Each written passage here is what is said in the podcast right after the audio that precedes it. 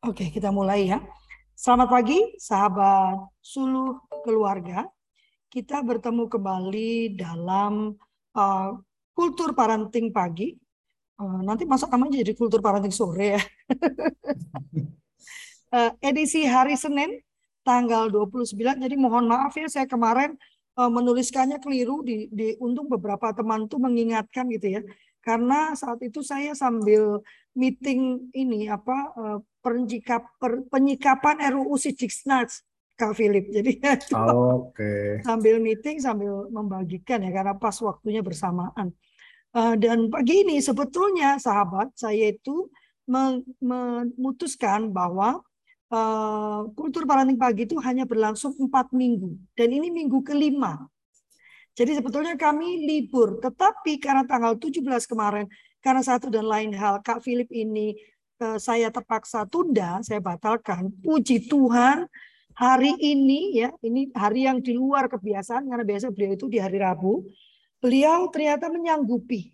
Ha, saya tidak akan ini ya, tidak akan tidak akan uh, meng, apa, menghilangkan kesempatan ya karena apa yang beliau sampaikan itu biasanya mengena sekali dengan kondisi kita ya, terutama untuk mengenali emosi anak-anak terlebih dahulu kita juga belajar mengenali emosi kita. Sebetulnya ya Kak Philip ya.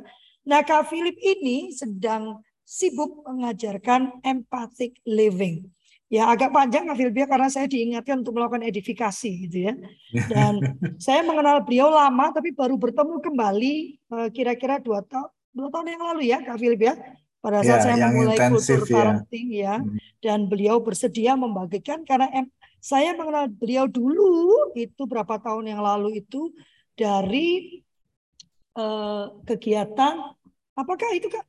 Living Values Living Education. Values, Living Values ya, yang sebetulnya sampai hari ini masih saya gunakan ya, tapi tidak plek ketiplek dengan yang diajarkan, tapi saya masih memasukkan itu dalam setiap metode pendidikan saya yang kami buat gitu ya. Dan pagi ini beliau akan membagikan sesuatu yang menurut saya kunci ya. Ini adalah kunci gitu ya. Karena kita tidak bisa meminta siapa pun termasuk diri kita untuk bisa, Mbok kamu tuh jadi orang tuh yang bisa mengendalikan emosi. Ya, gitu kan Kak, sering ada gitu ya. Mbok iya. jadi orang tuh jangan emosional gitu ya. Tetapi pertanyaan, apakah kita mengenal emosi kita sebetulnya? Apakah kemudian remaja sudah diajarkan atau ditemani untuk mengenali dulu remaja, uh, emosinya? Ataukah kita masih seperti pendidikan eh, di masa lalu yang mengabaikan emosi atas nama pengendalian? Nah, ya, jadi sebelum dikendalikan, ya dikenali dulu bagaimana bisa mengendalikan kalau kita tidak mengenali. Nah, proses mengenali ini Kak Philip, yang setahu saya bukan menakutkan, tapi seolah-olah tidak perlu dilakukan. Karena yang mengenali emosi itu jadi seolah-olah emosional. Nah, kita akan mendengarkan bagaimana sebetulnya kita bisa menemani remaja kita. Tapi tadi saya sampaikan ke Kak Philip, menemani sambil kita sendiri belajar mengenali emosi-emosi kita. Silakan Kak Philip. Oke. Ya itu ya. Uh, sebetulnya saya lebih memposisikan orang tua di sini sebagai teman ngobrolnya remaja ya untuk berproses bersama gitu ya. Karena kalau mau mau jujurnya ya generasi saya, saya ngomong generasi saya ya, bukan generasi kita karena saya nggak tahu yang di situ ada berapa generasi. Uh, generasi saya tidak dibiasakan bahkan untuk menamakan emosi. Jadi pokoknya kelihatan nangis, menengok. itu cuman kata kuncinya cuman itu dok jadi uh, children should be seen but not heard. Jadi anak-anak boleh kelihatan tapi nggak boleh kedengaran suaranya. Itu yang kayak uh, ada gium yang paling muncul dalam kultur kita. Nah, jadi itu termasuk nangis, termasuk ngeroeng, termasuk apalagi yang pokoknya negatif-negatif. Tapi bahkan ngomong mengutarakan perasaannya pun enggak gitu loh. Jarang sekali keluarga-keluarga yang bisa sampai move, mengekspresikan dengan aman. Apalagi sampai mengenali me, me, mengolahnya dengan benar, meng, meng, mengenali aja enggak gitu loh. Nah, makanya di sini saya ngomongnya lebih ngobrol soal emosi dengan remaja. Oke, uh, sebulan ini kan isinya kultur parenting ngomongin remaja semua tuh ya. Ada beberapa waktu lalu, ada beberapa waktu lalu Bu siapa ya, yang psikolog itu, saya sempat lihat sesinya menarik sekali soal perkembangan perkembangan otaknya itu. Lupa saya Bu siapa Mbak itu. Ah, Mbak Ana. Uh, itu dia pakai apa diagram otak yang lebih rumit. Tapi kalau menurut saya otak remaja itu kayak gini, isinya tulisannya under construction semua itu loh. Jadi eh, jangan heran kalau ada sekian banyak kelihatan imbalance gitu ya. Ini anak sudah maju banget dalam hal ini, tapi dalam hal ini kok masih masih kayak zaman dia SD dulu, zaman anak-anak dulu gitu loh. Dia udah mikir tentang segala macam dekonstruksi, segala uh, sosialisme, kapitalisme, tapi di sisi lain pemahamannya soal misalnya kemandirian, nyuci piring sendiri segala macam tuh kok masih ketinggalan banget gitu dibanding dengan pengetahuannya. Itu yang ya paling tidak saya alami di rumah ya. Uh, jadi memang sedang ada proses pertumbuhan di sana dan itu yang harus di pertama disadari orang tua dulu.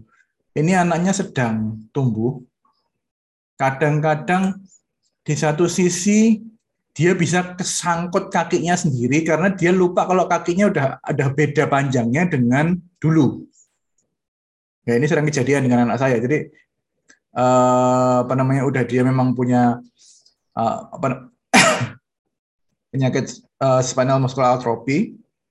Udah gitu dia kadang-kadang lupa dia udah tingginya udah hampir sama dengan saya gitu loh. Jadi jalannya beda dengan dulu gitu loh.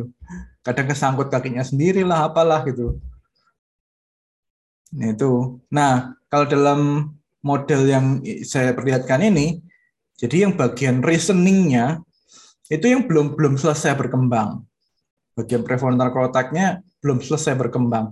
Yang berkembang besar dan menimbulkan banyak splatteran.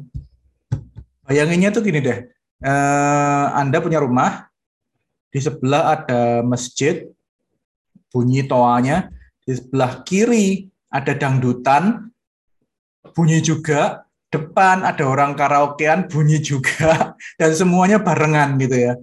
Nah itu sekaligus suaranya tuh kayak kayak eh, apa kayak super polusi suara begitu. Nah, otak remaja itu kurang lebih seperti itu. Splatteran emosinya itu seperti itu.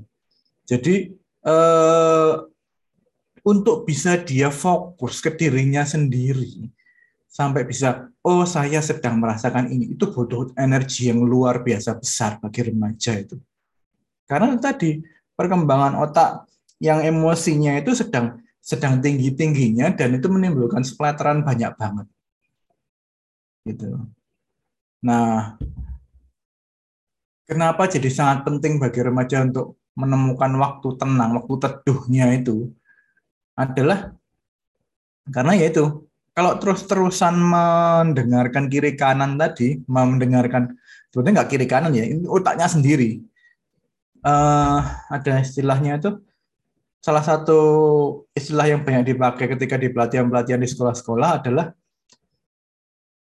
uh, remaja itu. Ini terutama guru-guru SMP ya, guru-guru SMP jadi yang 12 sampai 14 15 gitu yang tangani. Itu kalau nggak benci ya cinta. Jadi nggak nggak ada tengah-tengahnya gitu loh modelnya tuh.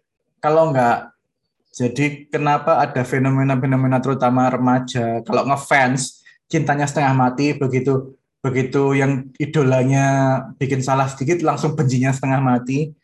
Karena ya tadi bagian dari nggak belum ada belum ada remnya gitu loh. Otak emosionalnya belum ada remnya yang jelas. Jadi kalau suka suka sekali kalau benci benci banget. Nggak ada tengah-tengahnya. Nah kayak ini tadi ya kondisinya memang ada perubahan bentuk badan, ada banjir hormon, ada perubahan sosial, perubahan respon badannya. Ini terutama uh, untuk masalah ini ya. Satu ungkapan dari anak saya yang paling sering dulu adalah dia nggak waktu zaman SD itu nggak terlalu membedakan cowok cewek. Jadi dia ngobrol dengan siapa saja gampang. Tapi begitu agak remaja dia mulai mulai ada uh, gap gitu, mulai ada kesulitan untuk ngobrol dengan lawan jenis atau apa gitu. Ya selain memang ada perubahan perubahan minat, perubahan sosialnya, tapi juga perubahan respon dia sendiri juga beda gitu. Entah itu respon emosionalnya maupun respon badaniahnya. Nah itu. Ini sekian banyak faktor yang membuat keruwetan tadi. Nah, Uh, nah, salah satunya ada media sosial juga yang mendorong hal ini ya. Udah remajanya impulsif, ditambah dengan segala macam challenge-challenge itu yang buahnya kalau di terutama di TikTok nih ya. Di TikTok itu banyak banget challenge-challenge yang aneh-aneh gitu, mulai dari yang positif, entah challenge melakukan tarian, melakukan nyanyian gitu kan ya, sampai challenge yang paling nggak jelas lagi yang itu yang nantang sopir truk itu. Yang berhenti yang menghentikan sopir truk yang lagi jalan cepat itu. Dan yang terus hasilnya ya banyak yang ketabrak juga kan memang. Nah di situ terus ada peer pressure segala macam bullying. Faktornya banyak yang semuanya membuat apa istilahnya emotional tornado, emotional milestone gitu ya di tengah-tengahnya itu. Nah, makanya seperti gambar ini, otak remaja itu juga crowded banget hal yang dipikirin tuh banyak. Tapi pada saat yang sama ada ungkapan dari anak saya yang spesifik banget. Kalau aku sudah selesai mainan, aku sudah selesai belajar, aku sudah selesai ngapa-ngapain. Kok mendadak aku merasa sedih ya? Merasa sepi ya, merasa sepi, sedih sendiri. Nah itu loh. Sekali lagi ini salah satu fenomena dari yang sama tadi. Emosionalnya nol atau 100 gitu. Nggak ada yang nggak bisa di tengah-tengah Mas. Jadi ketika dia excited banget main game, melakukan belajar segala macam, terus selesai duek gitu loh, langsung nol lagi. Dan itu dalam bentuk pikiran-pikiran depresif, sedih segala macam gitu. Makanya kenapa dia cenderung untuk um, melarikan, bukan melarikan diri ya sebetulnya, menyibukkan diri kata-katanya itu menyibukkan rasanya dengan segala macam kegiatan itu tadi. Karena ya tadi, dia nggak mau ketika dia sepi sendiri, ketika dia nggak ngapa-ngapain terus tahu-tahu jadi sedihnya itu. Nah, ini sebetulnya kalau dalam yang kultur parenting bulan lalu sudah saya bahas, teman untuk para orang tuanya. Itu gimana caranya mengenalinya. Cuman sekarang dengan asumsi bahwa orang tuanya sudah selesai dengan ini, sudah bisa melakukannya, mari kita mencoba untuk melakukannya bersama anak-anak kita yang remaja. Ya pertama menamakan rasa ya tekniknya. Tetap tetap kita kembali ke metode yang sama, cuman dengan asumsi bahwa orang tuanya sudah agak lebih lancar lah dalam hal ini. Yang pertama menamai rasa yang timbul. Ini saya sedang marah ini saya sedang sedih, ini saya sedang uh, khawatir, ini saya sedang bingung, ini saya sedang apa lagi lah. Tapi coba dinamai, karena kalau umumnya hanya sekedar lagi galau nih, males, ya nggak nggak nggak spesifik gitu loh. Kita jadi nggak tahu apa kebutuhan di baliknya. Baru dari hasil menspesifikkan rasa yang timbul ini, kita bisa tahu, oh kamu marah pada saat kejadian itu karena kamu uh, pengennya uh, harusnya begini, Karena kamu punya kebutuhan yang besar akan misalnya apa? Kebersihan atau apa gitu. Nah itu kebutuhan dibaliknya mesti di, dilihat juga. Nah baru setelah itu kita bisa ngomong tentang strategi pemenuhan kebutuhannya. Tapi syaratnya ya orang tuanya juga mesti menggunakan metode ini setiap hari juga. Tuh. Nah, itu yang rada-rada rumit biasanya kalau dengan orang tua. Karena belum terbiasa dengan itu. Nah, range-nya rasanya ini ada buahnya. Tapi eh, dasarnya adalah coba bantu, kalau mereka sekedar membayangkan membayangkan bahwa saya merasa marah, saya merasa apalagi segala macam, susah. Metode yang paling pas untuk remaja itu adalah mencoba, oke, okay, badanmu yang terasa nggak enak di sebelah mana. Terus coba, oke, sekarang misalnya lehermu terasa kaku. Coba kamu ingat-ingat. Biasanya kalau kamu pas kaku gitu, kamu merasa apa sih? Marah, sedih, atau lagi crowded kepalanya, kebanyakan pikiran, overwhelming, atau apa lagi coba. Nah itu coba dikaitkan dengan badannya. Kalau memang anaknya lebih visual, ya udah digambar badannya. Badannya digambar, terus dikasih titik-titiknya di mana aja rasanya itu. Nah itu, itu salah satu metode yang paling gampang ya. Menggambar bersama di mana aja dipetakan rasanya yang sedang aneh itu di mana. Terus dibuat peta badan yang fix untuk anak itu. Jadi kalau dia marah terasa-terasa di mana? Leher kah? Atau di kepala kah? Kalau dia malu terasanya di mana? Di muka kah? Di tangan kah? Soalnya beda ya. Ada orang yang malu itu mukanya mukanya panas merah atau ada juga yang malu yang tangannya, ekstremitis tangan dan kakinya jadi terasa dingin. Beda ya. Setiap orang beda-beda dan ini yang perlu dikenali. Itu. Kalau sudah dia bisa mengenali peta badannya sendiri, ngomong berikutnya lebih mudah. Nah, ngomongan berikutnya itu adalah apa sih kebutuhan di baliknya itu loh. Kebutuhan di balik dari rasa itu apa? Saya merasa seluruh badan rasanya kok pecah-pecah begini rasanya kaku semua. Ternyata saya lagi cuape. Bukan sekedar karena uh, kegiatan tapi juga karena banyak pikiran. Saya perlu istirahat sebentar. Nah, itu. Itu hanya bisa dikenali kalau urutannya jelas ya. Ketika kejadian itu saya merasa begini, ternyata kebutuhannya begini prosesnya sama dengan yang dengan yang orang dewasa, cuman akan lebih banyak splatterannya, lebih banyak gangguan-gangguan emosionalnya dari sekitar itu dan dari badannya si anak sendiri. Karena sinyalnya lagi penuh-penuhnya. Itu. Tapi yang paling utama adalah orang tua mesti ngasih contoh dulu. Kayak apa sih bersikap kayak apa sih caranya ngolah emosi perlihatkan ke anak-anak karena nilai dilihat bukan diajarkan ya mesti ada teladannya nah, itu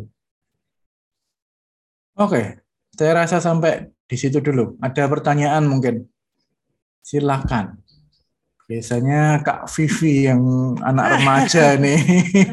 Yang punya anak remaja itu yang biasanya udah langsung iya, tapi Kak Vivi itu memang selalu ingin tahunya luar biasa.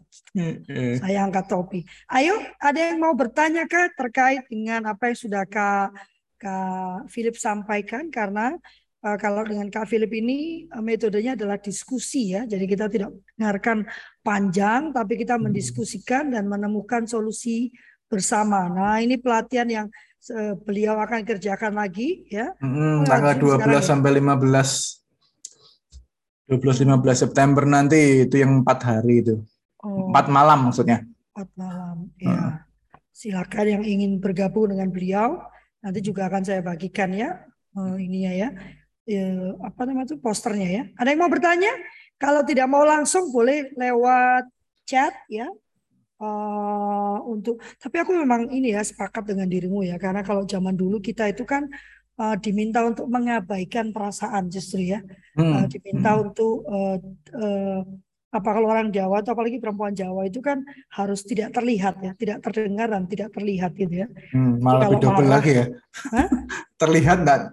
Biasanya kalau anak-anak kan terlihat boleh tapi enggak boleh terdengar. Ya, Ini lebih terlihat kan, aja nggak boleh lagi. Iya, makanya kan kalau dulu tuh kalau aku masih ingat diajarkannya tuh jalan harus berapa langkah di belakang suamiku gitu kan. Oh. Terus kalau aku mengerjakan pekerjaan rumah itu kalau berbunyi gitu misalnya nggak sengaja nyapunya kena uh, apa uh, kursi misalkan bunyi kan hmm. oh itu udah ngamuk iba bekakak apa nenekku ya cuci hmm. piring tuh kalau bunyi itu udah udah ngamuk dia jadi harus benar-benar tidak bersuara gitu ya uh, berat buat aku ya berat banget ya jadi uh, kemudian karena aku sama sekali nggak setuju dengan itu ya pada anak-anak itu aku berusaha berubah menjadi ekspresif ya. Kak Dokter Ferry ada yang mau ditanyakan?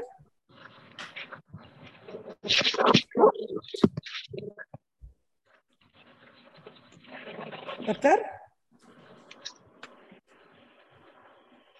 Rusak-rusak. Kak Irwan, ada yang mau ditambahkan?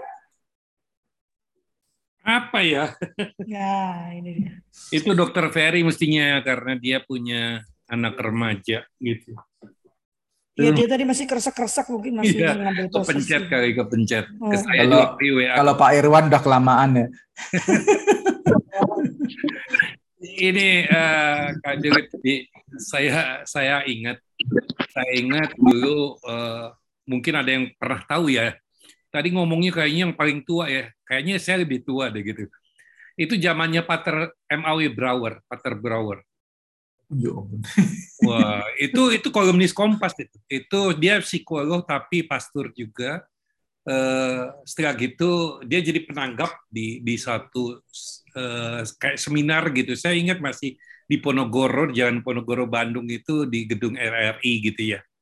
Nah, judulnya itu uh, seks dan remaja gitu kan.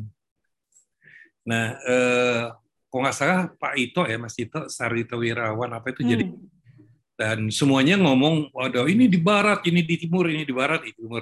Semua orang tahu dia asli Belanda. Dari itu akhirnya dia katakan barat timur, barat timur. Saya bilang itu eh, kata dia, kata beliau itu itu cuma dua kata yang berbeda bagi saya tidak ada. Tetapi yang uh, utamanya ini ngomong seks dan remaja. Terus beliau katakan di sini banyak seks tapi nggak ada remaja gitu. yang ingin saya katakan di sini sebetulnya yaitu kita sering mungkin Kak Gafri bisa diminus ya. Kita sering uh, membahas remaja gini-gini gini padahal yang yang ada di sini tua-tua semua gitu ya. Remajanya nggak ditanyakan gitu ya. Apa yang mereka rasakan mungkin mungkin uh, apa yang kita uh, kita sampaikan oh itu kuno sekarang tuh begini kita udah tahu kok gitu kan knows gitu ya.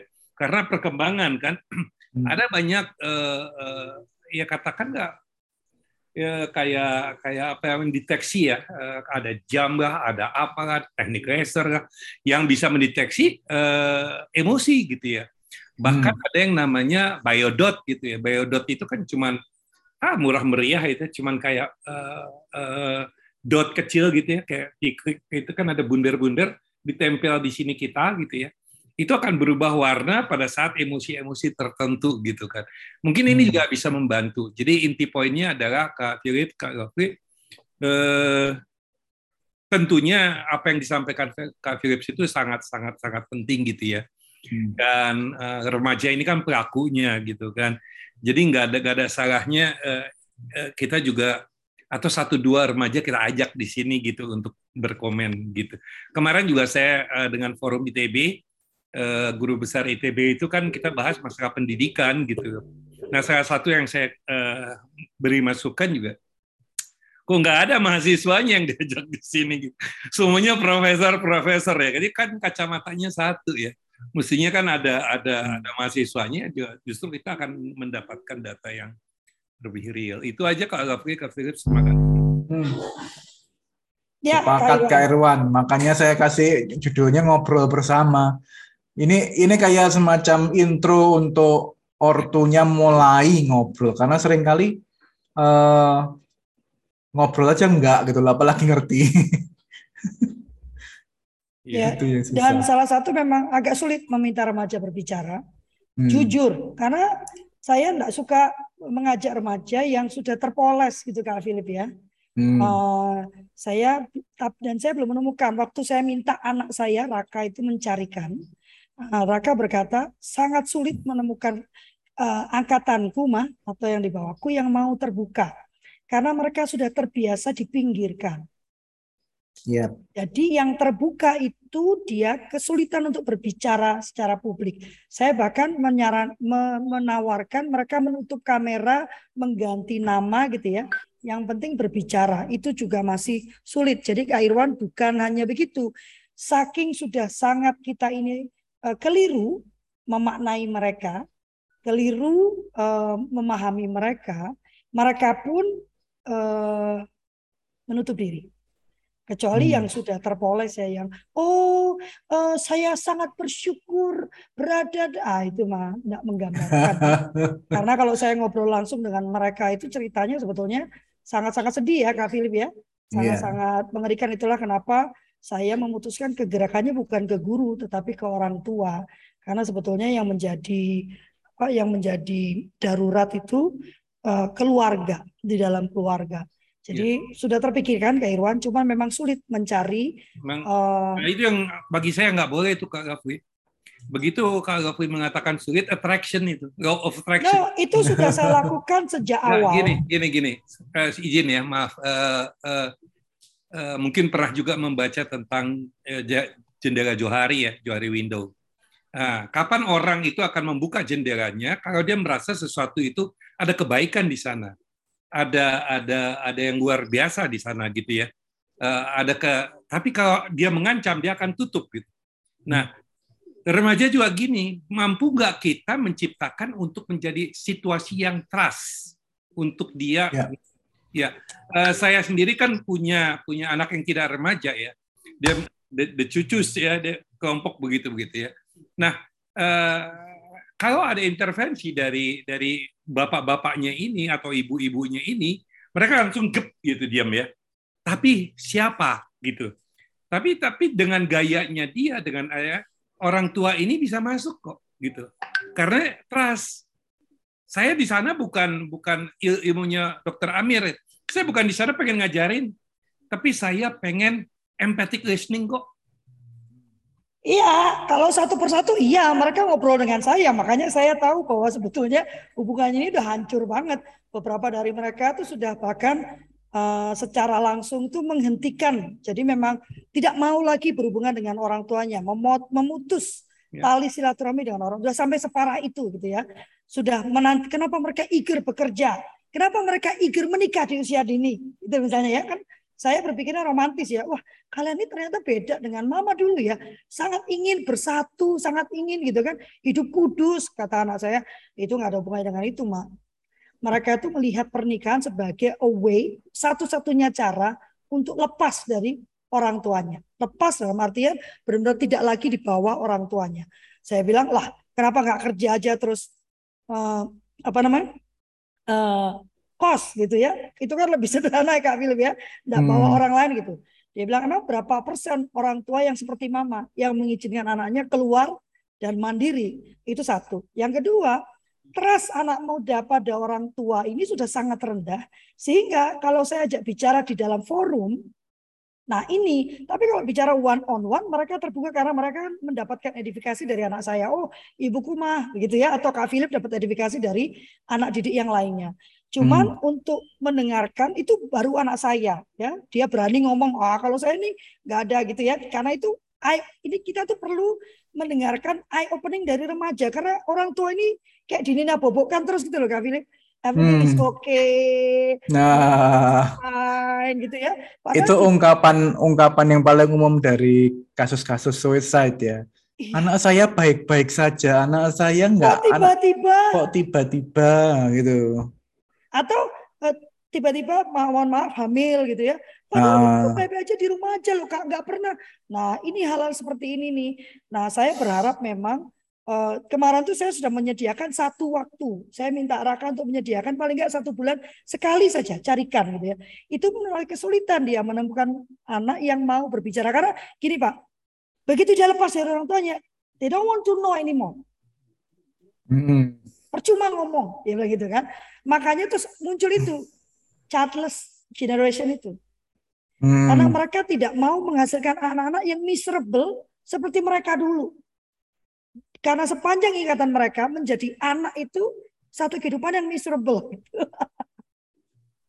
Tapi saya akan terus berusaha ya Kak Irwan ya. Karena saya sepakat kita tuh perlu mendengarkan dari anak. Apa sih yang sebetulnya mereka rasakan.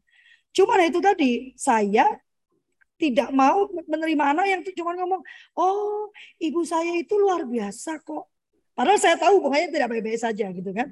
Ibu saya, eh, keluarga saya itu saya sangat ya, saya mencari anak-anak yang mau berbicara apa adanya. Karena orang tua ini perlu dibukakan matanya. Bukan untuk makin. Nah masalahnya orang tua ini kalau dibukakan matanya, eh, reaksinya dua Kak, Kak Philip. Hmm. Yang satu dia berubah memahami dan mau belajar. Yang satu dia memperketat. Denial. Iya. Oh, karena tahu itu ada ada oh ada fenomena ini, anaknya terus nggak boleh pergi, nggak boleh ini, nggak boleh itu. Nah, ini juga anak-anak tidak mau gitu. Karena dia nggak hmm. mau kayak uh, nanti aku ngomong nanti itu uh, backfire ke ke kita gitu. Bahkan kalau kita mendengarkan Kak Sofian misalnya ya, Pak Sofian itu kan guru SMA. Itu ceritanya kan wow, wow gitu ya.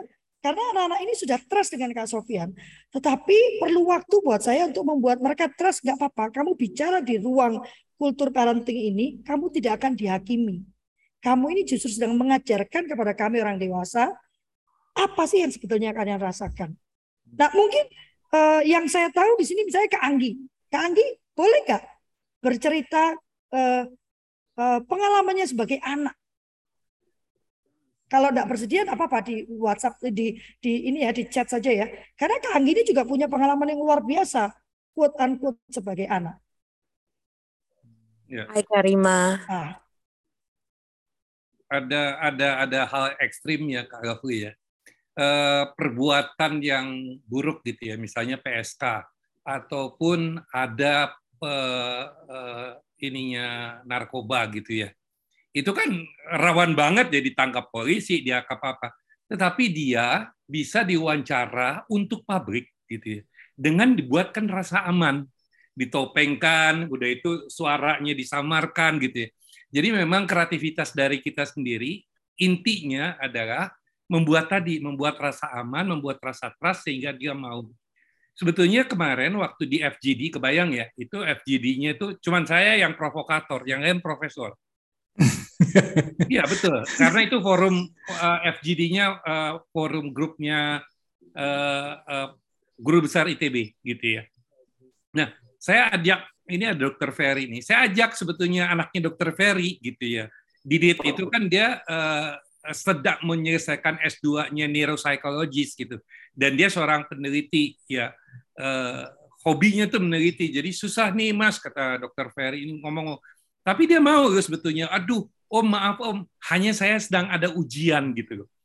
Uh, maybe next ya, saya akan akan hadirkan uh, di DIT itu di di forum para profesor ini gitu. Karena tadi ya maaf maaf gitu ya, kalau yang sudah ya kebayang ya profesor ya cara mereka paparan segala macam. Hmm. Tapi kata saya ini implementatif nggak gitu loh. Karena saya, saya kan ikut ITB dulu dan saya kaget sekelas profesor ternyata dia nggak paham loh tentang pendidikan. Maka dari yang itu, dia katakan tuh kayak guru yang baru belajar. Maka Kak, dari, kan kita mendengarkan Kak Anggi saja ya karena kan okay. tadi ingin mendengar dari pelaku ya. yang mengalami. Kak Anggi boleh bercerita? Halo, selamat pagi. Pagi Kak. Pagi. Aku jelas ya. Yes, jelas Kak, silakan. Iya, uh, saya mengalami child abuse. Mungkin saya sudah pernah cerita di Zoom yang lain bahwa mama saya memiliki personality disorder, kemudian beliau denial ketika papa saya menikah lagi. Sehingga itu ditumpahkan ke saya. Kebetulan saya mirip dengan papa saya. Uh, you can name it like physical abuse, verbal abuse, dipukul, disulut pakai rokok, sehingga apa yang saya lakukan itu kayaknya salah aja di mata dia gitu. Sehingga dulu waktu saya kecil cita-cita saya besar, saya bisa kerja, saya bisa punya uang banyak. Cita-cita saya cuma satu, saya mau bunuh dia. Sampai ketika saya besar, tanpa saya ketah tanpa saya sengaja, saya mengajar seorang dokter uh, di psikiatris dan dia mengatakan jadi saya stop gitu, dok maaf ya kelasnya saya stop dulu karena mama saya lagi ngamuk. Uh, Miss boleh difoto nggak? Seperti apa sih video atau rekaman suara dan day by day akhirnya saya tahu itu namanya personality disorder atau mental disorder. Gitu. Hmm. Dan uh, setelah saya tahu itu personality disorder, kemudian saya tanya saya harus seperti apa jadi ini harusnya mendapat pengobatan, cuma mama saya memang denial. Dia merasa tidak apa-apa. Uh, um, ya akhirnya setelah bekerja sama dalam berbagai aspek, saya juga ke psikolog, saya juga ke pendeta, saya juga berjuang. Dan akhirnya setelah COVID kami uh, tinggal di rumah yang terpisah dan ternyata sekarang semua Ternyata sekarang kenapa kak? Semuanya membaik kak setelah kami pisah rumah. Setelah kami pisah rumah, eh, komunikasinya jauh lebih baik gitu. Dan karena mungkin tidak intens setiap hari ya, tidak intens setiap hari. Uh, saya juga sambil berdoa, beliau juga sudah mulai sepuh, jadi mungkin tidak seberingas dulu, jadi ya tapi masalahnya sampai hari ini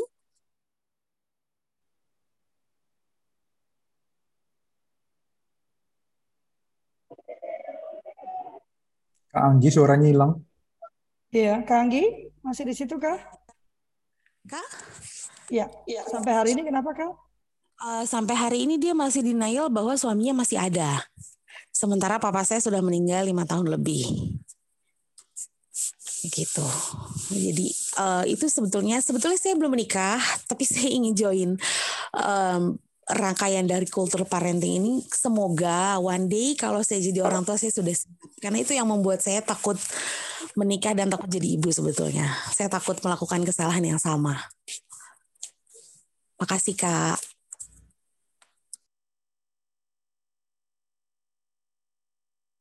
Ya, ini uh, sebetulnya ini kasus ekstrim ya. Kalau teman-teman mungkin dibilang ah ini mah ekstrim kak ya. Tetapi eh, sahabat suluh keluarga, saya mendengarkan keluhan seperti ini nih sangat sering. Ya kak Philip ya. Yang nggak tahu kak Philip mungkin lebih sering lagi ya, karena saya kan tidak terjun langsung ke remaja sebetulnya. Saya mendengarnya dari eh, teman-teman uh, anak-anak saya, misalnya anak saya misalnya, atau hmm. anak dari teman-teman saya gitu ya. Yeah. Mereka bercerita dan kisah seperti ini itu sebetulnya eh, banyak sekali. Mungkin tidak tidak lalu mereka mengidentifikasikan orang tuanya sebagai personality disorder ya. Tetapi kekerasan pada anak eh, dalam bentuk ekstrimnya mungkin pengabaian. Jadi semuanya diberi, hmm. eh, dikasih segala yang materi yang diperlukan, tetapi diabaikan. Itu juga ada. Jadi secara secara apa secara kasat mata ini anak sangat terurus ya kan dengan dayang-dayangnya dengan segala kelengkapannya. Tapi anak ini kosong karena orang tuanya sangat sibuk bekerja. Ini juga banyak. Saya juga ingin sekali Kak Philip mungkin kita melakukan kajian terhadap anak-anak yang sejak bayi pun sudah digunakan dalam tanda kutip oleh orang tuanya sebagai sumber pendapatan. Jangan salah oh, iya. ya, tidak cuma yang dibawa di pinggir jalan untuk ngemis ya. Sekarang hmm. ada cara yang lebih canggih, tidak kita sadari, tapi itu juga merusak. keluarga-keluarga yang menggunakan kehidupannya sebagai sumber pendapatan lewat YouTube vlog. Oh, ya. Ya kan? Dari bayi pun itu sudah mengalami abuse kalau menurut saya karena tidak ada privasi mereka sama sekali. Tidak diajarkan mana yang mesti ditutup, mana yang mesti dibuka, mana yang menjadi konsumsi publik, mana yang menjadi konsumsi personal. Bagi saya ini abuse. Hmm. Sama dengan kalau orang tua itu membawa anaknya ke pinggir jalan terus ngemis ya kak. Sebetulnya yeah. itu sama. Kak itu kayak kayak yang filmnya Jim Carrey itu ya, yang ya. apa itu Life of Norman apa itu? Ya, uh, ya, ya. Iya, tapi ini kan sekarang di Indonesia makin banyak ya kak ya. Banyak. Uh, uh. Dan kita tanpa sadar kita itu mengencourage itu. Hmm. Kak Feni tadi membuka mic, ada yang mau disampaikan? Kenji, tetap semangat untuk pulih ya. Ya, kalau dibilang saya sering ketemu, nggak banyak tapi intens. Uh, karena kebetulan saya banyak bersentuhan dengan panti asuhan ya. Hmm. Jadi ya anak-anak panti asuhan ya rata-rata ceritanya kayak Kak Anggi itu itu uh, namanya abandonment, namanya uh, emotional physical abuse ya itu memang kayak paketnya gitu ya kalau di kalau di anak-anak panti asuhan. Gitu. Ya, Mbak Nurwada? Oh, enggak. Ya. Ya, jadi uh, dan waktu aku ke panti asuhan Batu ya, diminta hmm. untuk berbicara di panti aku juga melihat ada ini ya, Maksudnya kalau kita mau terapkan perlindungan yang sebenarnya gitu kan. Hmm. Uh, ini kan anak dengan latar belakang yang bermacam-macam ya, dengan uh, apa uh, dengan apa tuh namanya trauma yang beragam Ya, bagasi bagasi emosionalnya di iya, banyak masing-masing itu. Betul, dikumpulkan di satu tempat dan uh, tidak ada waktu untuk pemulihan dulu kan. Ya, betul. Tiba-tiba harus uh, mengikuti uh, mengikuti apa mengikuti alur umum kan dan pemiliknya apa pengelolanya juga ah, saya nggak bisa menyalahkan 100% ya kak ya bayangkan kan dia harus resource-nya nggak cukup sering-sering yes. nah, untuk ngasih makan aja udah susah apalagi memperhatikan secara emosional yang butuh lebih banyak orang lagi Nah, ini menarik nih Mbak Nurwada nih. Bagaimana ya. membuka diri untuk ngobrol pada anak-anak. Yang paling gampang adalah main bersama. Jadi uh, saya sendiri waktu waktu apa itu? Uh, Clash of Clan, Clash of Clan lagi lagi ngetop ngetopnya zaman 2019 2018 itu.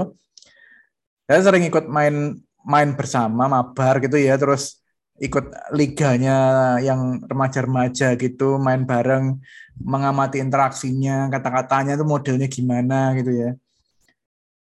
Ya udah uh, masuk ke dunianya yang paling gampang itu. Entah itu hobinya, entah itu gamenya, entah itu apa, tapi masuk ke dunianya dia. Bukan bukan ngajak dia masuk ke dunia kita, enggak. Lebih baik masuk ke dunia dia. Jadi kita tahu uh, perkembangan perkembangan emosional, perkembangan sosial yang terjadi di sana gimana. Pilihan kata-katanya anak-anak ketika berinteraksi gimana. Apakah uh, apa namanya?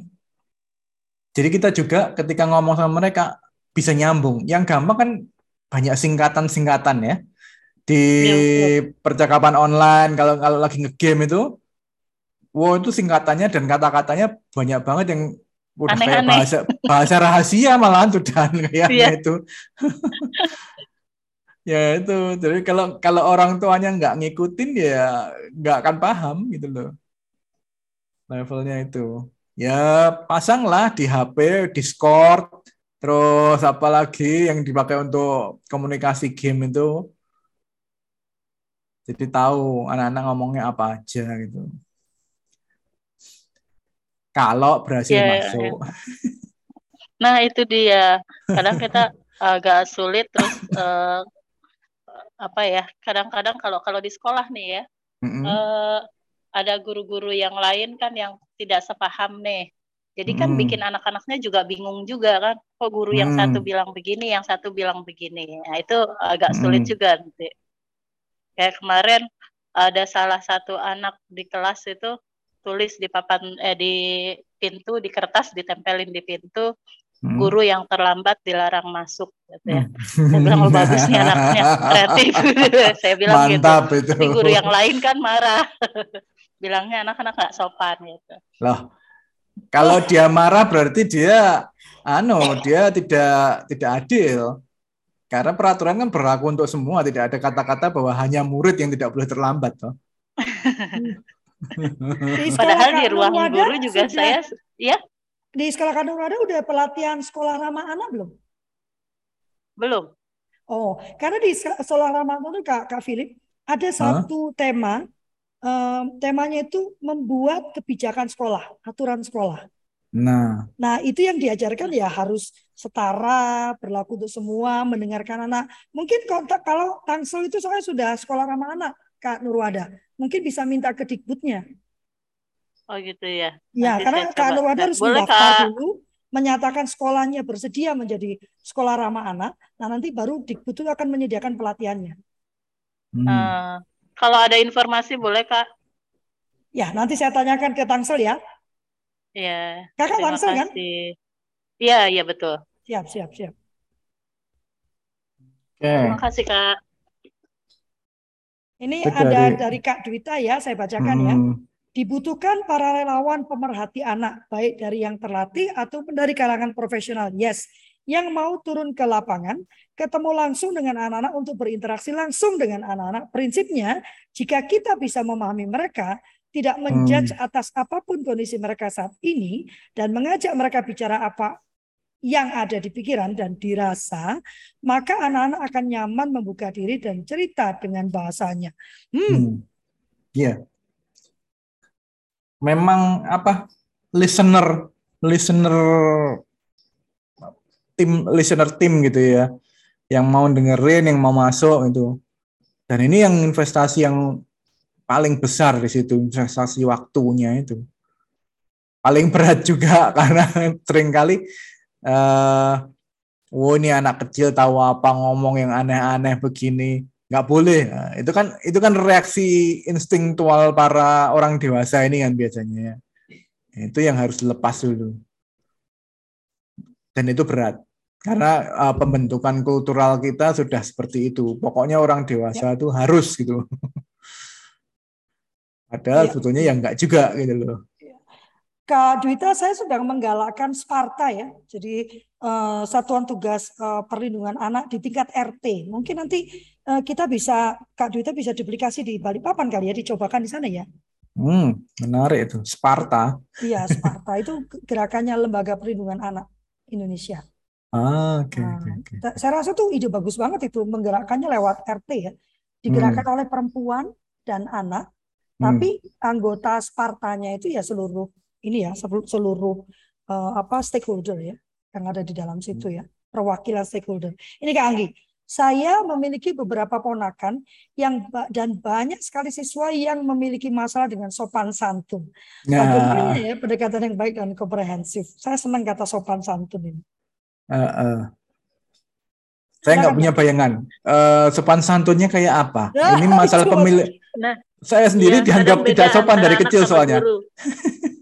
Iya. Oh, antara antara ya, anak sama guru. santunnya anak sama guru. Lah makanya uh, saya sendiri sejak kecil dulu sudah dianggap sebagai anak yang kurang sopan ya. Jadi ya. kalau ngomong sopan sama saya rada susah. Sebetulnya kalau yang dari pembentukan karakter itu kan yang apa syarat pertama itu kan uh, sudah menyepakati desired character, karakter yang uh -uh. diinginkan. Nah, masalahnya karakter yang diinginkan itu mengikat semua pihak. Nah, itu hmm. ya.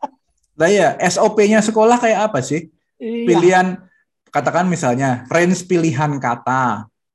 Iya. Apa yang dianggap sebagai ekspresi emosional dan apa yang dianggap sebagai serangan. Itu loh, spesifik. Jadi sopan santun itu kayak apa?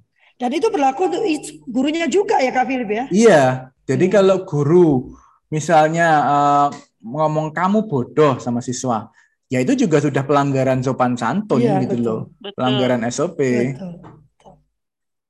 Jadi eh, standarnya kayak apa sopan santun itu gitu loh. Dan itu kan mesti mesti jelas, parameternya mesti jelas bersama. Betul. Iya. Harus disepakati ya Kak Philip ya. Uh -uh. Iya. Kak Anggi ada yang mau ditambahkan dari yang disampaikan tadi? Halo, ya. dengeran ya. Kak? Oh ya, oke. Okay. Uh, eh, jadi misalnya kita, misalnya salah satu murid private saya gitu ya. Selamat pagi Mas, hari ini kita ada kelas nggak ya? Jawabnya cuma GTW. Nggak tahu. Oh, Mas hari ini uh, ada di rumah atau keluar? GTW. Oke. Okay. terus dia terus saya tanya, "Ya udah, nanti kalau sudah dapat kabar dari Bapak kabarin Miss ya." Terus jawabnya cuma huruf K. I was like, huh, udah. Ponakanku juga sama. Uh, misalnya mamanya bilang, ini taruh di tempat sampah gini gini gini, nggak mau. Nanti aja, males berbicara tanpa eye contact, sibuk dengan ya kayak gitu-gitu. Itu itu hal yang mungkin ini berawal dari diri saya ya. Maksudnya dulu kalau saya melakukan hal-hal seperti itu saya pasti kena pukul. Jadi tertanam di saya bahwa itu adalah sopan santun yang perlu dijaga apalagi sama orang tua gitu. Nah itu yang saya saya berusaha mengendalikan diri ya bahwa itu bukan anak saya, bukan saya yang atur, so I have to accept that gitu. Jadi cuma ini bisa diperbaiki nggak sih sebetulnya dan pendekatan yang enak buat mereka apa, enak buat kita apa gitu, kak. Terima kasih. Menarik nih kak Philip. Mm -hmm. Uh, dari awal waktu awal mengajar ada semacam kesepakatan kontrak belajar nggak?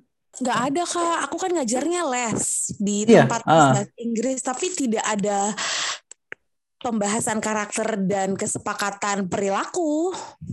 Nah itu juga bisa dibentuk bahasa Inggris kan ya pelajarannya? Iya iya betul. Ah, pelajaran bahasa Inggris. Itu kan juga bisa dibentuk dalam simulasi simulasi drama skit gitu ya semacam uh -huh. drama pendek bagaimana memperlakukan orang lain itu kan bisa dibentuk semacam itu juga. Jadi awal pelajaran okay. dibikin skit, uh, drama-drama pendek, how to do certain stuff in certain manner gitu ya. Mm-hmm. Ah oke. Okay. Uh, kita mengambil dari film Kingsman, manner makes man, yeah. gitu, manner makes woman gitu kan. Kalau untuk ponakan gimana kak? Sama. Sama. Uh-uh. Kayaknya aku nggak ada waktu Karima. nah itu dia. Uh, sama seperti uh, Sparta tadi, masalah utamanya orang dewasa kan memang masalah investasi waktu. Yeah. Ya ini hasil panen ya. Sopan santun itu yeah. hasil panen, bukan bukan sesuatu yang bisa diasumsikan ada gitu loh. Ah oke, okay. iya iya iya. Eh, you saw what you reap gitulah. eh okay, salah, you reap what you saw kebalik. Oke, okay. thank you. Ya, memang salah orang tuanya, gitu kan. Cuman uh -uh. ya sebagai orang-orang yang tergelitik ini ya, nah ini yang. Nah itu dia ya. kata kunci lagi itu love. Hmm. Jadi uh, buk yang uh, wajib untuk mengarahkan anak bukan cuman orang tua tapi orang dewasa yang ada di sekitar anak semua. Ya. Karena mereka pasti akan berpengaruh juga. Ingat kan persoalannya ya, ketika orang-orang uh, ketika orang tua guru sudah pada membentuk suasana yang baik, terus ada random tetangga random yang memberikan contoh buruk dan itu yang ditirukan kan. Biasanya kan kejadiannya seperti itu. Hmm. Nah, itu makanya kenapa semua orang yang ada di sekitar anak itu mesti sepakat gitu loh. Jadi kalau seperti Mbak Nurwahda tadi bilang satu guru dengan guru lainnya nggak sepakat, nggak bisa gitu. Dalam satu sekolah minimal satu unit ya, satu unit sekolah itu mesti sepakat dulu semuanya. Itu sekolah ramah anak tadi kan mem membawa satu standar tertentu tuh jadinya bisa jadi bisa menyamakan persepsi oh saya ngomong sama anak mesti A B C D E metodenya begini. Tidak lagi ada ketidaksepakatan di antara guru-guru. Kalau tidak sepakat ya jangan jadi guru gitu aja. Karena standarnya sebetulnya ada gitu kan. Menarik ini, menarik banget ini. Dan Kak Nurwada ini termasuk luar biasa loh. Uh, dia ini uh, menabrak banyak sekali. Ayo Kak, saya kami bersedia menemani ya untuk Kak Nurwada membentuk lingkungan Kak Wada menjadi lebih ramah anak ya Kak Philip ya. Saya yakin hmm. Kak Philip juga uh, eager menemani ini ya. iya, karena uh, kita kan hanya bekerja dari satu ke satu diubahkan, satu diubahkan itu sudah Terima satu kasih. sudah satu apa ya? Uh, pencapaian yang luar biasa. Pak Mutakin ini iya. juga luar biasa nih. Kita tutup ya. Silakan Kak Philip sudah lebih enam menit. Oke. Okay. Uh, ya itu tadi sekali lagi orang dewasa di sekitar anak, terutama anak remaja, mesti punya kesediaan untuk berinvestasi waktu tenaga terutama ya. Karena ini yang paling dilihat oleh remaja. Kamu memperhatikan saya atau enggak, kamu punya waktu untuk saya apa enggak, baru saya akan mau memperhatikan kamu, gitu kan. As simple as that. Gitu memang kesannya jadi transaksional banget, tapi dari pihak remajanya memang ada kebutuhan itu gitu loh. Kebutuhan untuk diperhatikannya sedang tinggi. Kebutuhan untuk dengarkan tinggi. Nah itu. Itu aja dari saya. Emang pernah ya kebutuhan didengarkan, diperhatikan itu menjadi rendah ya? ada orang-orang tertentu yang memang dasarnya introvert, tidak butuh orang lain sama sekali gitu loh. Ada. Ya, aku ini kan terus-terusan. Nanti kalau anakku cuek kan aku teleponin aja. Dia bilang, apa sih mas? mamanya nggak dianggap ya. Nanti kalau mamanya tahu-tahu nggak ada gimana? Hello yellow. yellow mbak. Ya, terima kasih Kak Philip ya. Mari kita terus bersama ya uh, saya masih ragu-ragu sebenarnya Kak Irwan mengubah kultur parenting pagi menjadi sore ya Kak Irwan. Tetapi banyak juga yang meminta supaya diubah jamnya karena mereka kan sudah mulai bekerja. Ini Kak Wahda ini aja biasanya jam segini sudah heboh nih. Ya kan sudah tidak bisa ikut ya. Jadi saya masih merenung ya Kak, Kak apakah perlu diubah. Ya sambil Kak Deli memotret kita keluarkan sambil, hati kita ya sambil saya tutup. Mungkin case saja Dicoba Jadi ya dari tiga hari itu satu hari di sore gitu. Kita Coba lihat ya, oke. Okay. Kita boleh. lihat gimana ininya. Gimana ininya ya? Eh, Responnya apa? ya. Iya, boleh boleh Kak Irwan nanti. Karena saya juga ragu-ragu apakah teman-teman yang berbagi itu sore itu punya waktu gitu kan. Karena kita tuh kan kalau udah masuk ke giat kita tuh uh nggak bisa berhenti ya. Jadi nanti coba kita lihat. Tapi saya setuju dengan Kak Irwan. Kita coba dalam satu minggu satu kali gitu Kak Irwan ya untuk bulan depan ya. Terima kasih banyak teman-teman. Tadi sudah mencapai 20 lebih sebetulnya. Lalu keluar sedikit-sedikit karena kita melebihi waktunya. Uh, dan kita akan bertemu lagi Senin depan. ya. Jadi uh, Rabu dan Jumat ini tidak ada kultur parenting pagi, Kak Irwan. Karena kita hanya beroperasi 4 minggu saja. Nah berarti kita bisa gunakan untuk Kak Irwan untuk kita meeting tadi ya. Uh, dan kita akan bertemu lagi hari Senin. Saya masih akan menyusun pembicara, tapi tema kita minggu depan bulan depan adalah sekolah ya. Jadi mungkin nanti siap-siap ya yang para guru Pak Mutakin ya mungkin akan saya minta untuk berbagi karena perspektifnya tentang sekolah. Terima kasih banyak dan kembali atas nama kami berlima, saya memohon maaf yang sebesar-besarnya apabila ada pernyataan, perkataan, sikap atau gestur yang kurang berkenan. Kami tidak ingin merendahkan, tidak ingin memojokkan, tidak ingin um, menghakimi dan juga tidak menggurui. Kami hanya ingin membagikan apa yang menjadi keyakinan kami dan yang uh, kami kerjakan dalam kehidupan kami sehari-hari. Terima kasih banyak. Selamat hari Senin, semangat Senin ya. Wassalamualaikum warahmatullahi wabarakatuh. Tuhan memberkati. Terima kasih, Kak Philip. Terima kasih. Terima kasih. Jadi udah fotonya udah kan? Aku langsung kan. Thank you Kak Rima. Terima kasih Kak Enggi sudah ber, ber, apa, terbuka ya. Itu akan membantu membuka banyak orang ya, membantu pemulihan banyak orang. Amin ya. Luar biasa. Yuk, saya pamit ya.